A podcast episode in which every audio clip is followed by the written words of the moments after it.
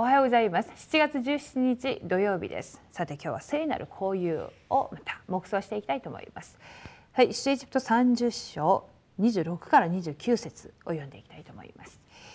えこの油を次のものに注ぐ。会見の天幕。証の箱。机とそのいろいろな器具。食台とそのいろいろな器具。香の壇。全焼の生贄のための祭壇とそのいろいろな器具。全般とその台。あなたがこれらを性別するならそれは最も聖なるものとなる。これらに触れるものすべて聖なるものとなる、はい、私たちの人生はイスラエルの民が歩いていた荒野の道に例えられます。外部と内部の敵は難しくて不安な多くの問題を持っていつも追いかけています。信仰の証拠よりは不信仰の状況がより多いのです。この時神様は幕屋を作って幕屋を中心に暮らすようにとおっしゃいました。また聖なる交友を塗って区別するように命令されます。このことは聖霊の満たしを受けることを意味します。神様の働きと福音を悟ることはただ聖霊によってだけできます。はい。神様の働きと福音を悟ることはただ聖霊によってだけできます。ということです。はい、今日ですね聖なる交友本当に皆様が聖なる、えー、区別されたものとしてまたこの聖霊の満たしを、えー、受ける一日になっていただきたいと思います。で大きな一番を見ていきたいと思います。聖霊は聖霊の満たしを受けなければなりません。聖霊は生きておられる神様の霊です。聖霊の力によってのみ神様の働きを悟ることができます。聖霊は自ら私たちの弱さを助けてくださり私たちのために深いうめきによって取りなしてくださいます。ダビデも精霊によって油注がれ神様の力を受けるようになりました。権力によらずただ神様の御霊に精霊によって成り立ちます。神様の霊で満たされると息子や娘は予言し若い男は幻を見ると約束されました。これらの約束は必ず成就する神様の御言葉です。精霊が働く時自分の人生と自分の今日に神様の計画があるということを知るようになります。聖書の中で自分に与えられた契約が何かを悟るようになります。この事実を知ることが最高の祝福です。はい。聖霊。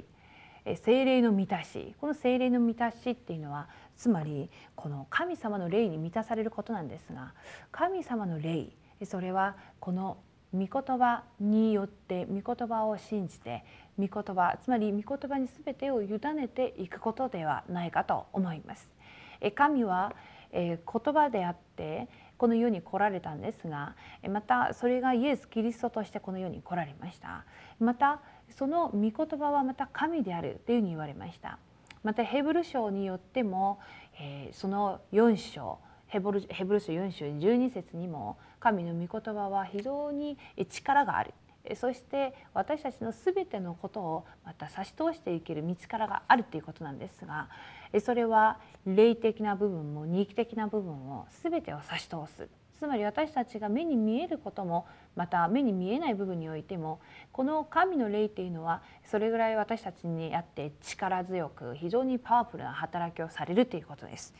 つまりこの精霊の満たしを受けるっていうことのために今日の祈りの手帳を通して皆さん今日の御言葉を握ってください。しかもその御言葉を握るっていうことは皆様の問題に対するそして自分の専門性アイデンティティだとか自分の現場人の人間関係いろんな環境の中で一番神が皆様に今与えようとしている言葉は何かっていうことをキャッチしてください。ある意味それは今の問題とはかけ離れた問題また答えになるかもしれませんが全ての肉体的な問題は実は霊的な部分を悟らせそして霊的な部分を悟らせて結局は人を生かしていく方向へとつながっていきますから今日の御言葉をですね皆さんが確実に握る一日になっていただきたいと思います。はい次です精霊の満たしは最高のプレゼントです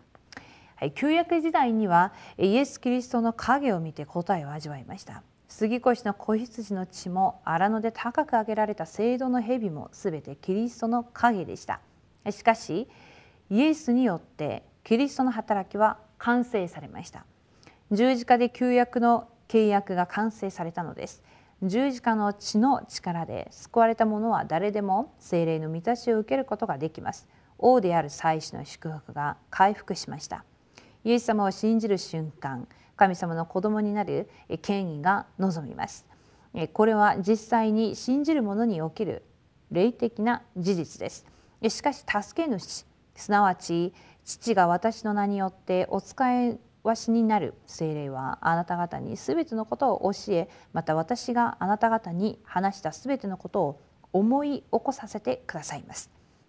はい、この精霊が今私たちと共におられます。礼拝中に祈りの時間に賛美を捧げる時に黙想する時に精霊と視線を精霊と姿勢を合わせることが重要です。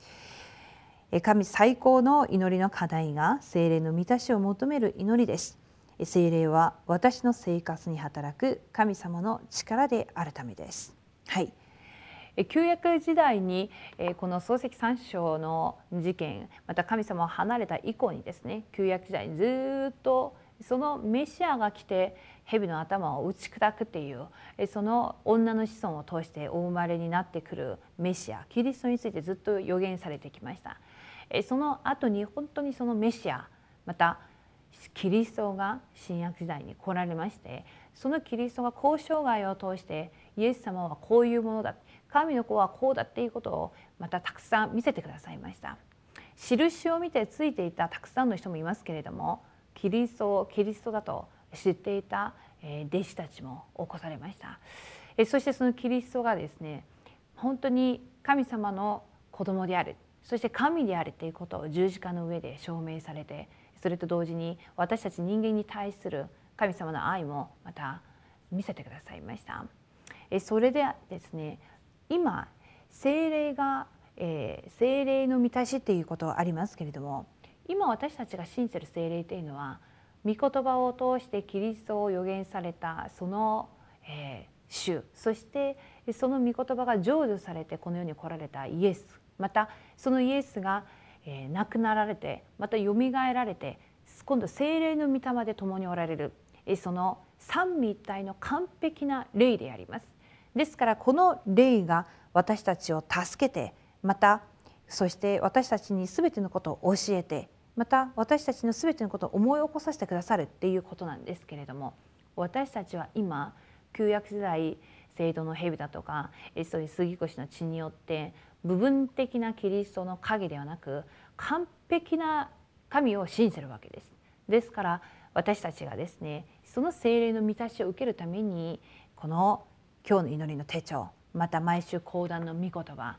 御言葉に満たされるっていうことが精霊に満たされることだと思います。なので今日一言でも皆さんが本当に黙想できるまた自分の問題実際にもう十字架で終わりましたから根本的には終わったということを本当に確信してでそれが終わったっていうことを24時間味わえる契約を今日一言握ってくださいその契約の御言葉が皆さんを精霊に満たしてくれる大きな鍵にまたなっていきますはいではですね今日のフォーラムの主題でありますはい今日自分の魂と生活のすべての領域に聖なる香りと油である精霊の満たしが望むように祈ってみましょう。はい皆さん皆さんに今日聖なる油が注がれるようにですね皆さんの御言葉今日握っていただきたいと思います。はい、ではお祈りをして今日の祈りの手帳終わりにしたいと思います。神様感謝します。神様は私たちにイエス・キリストを通して救いを与えてくださいました。私たちが与えられたこの救いこれは三位一体の完璧な神が共におられるそのよ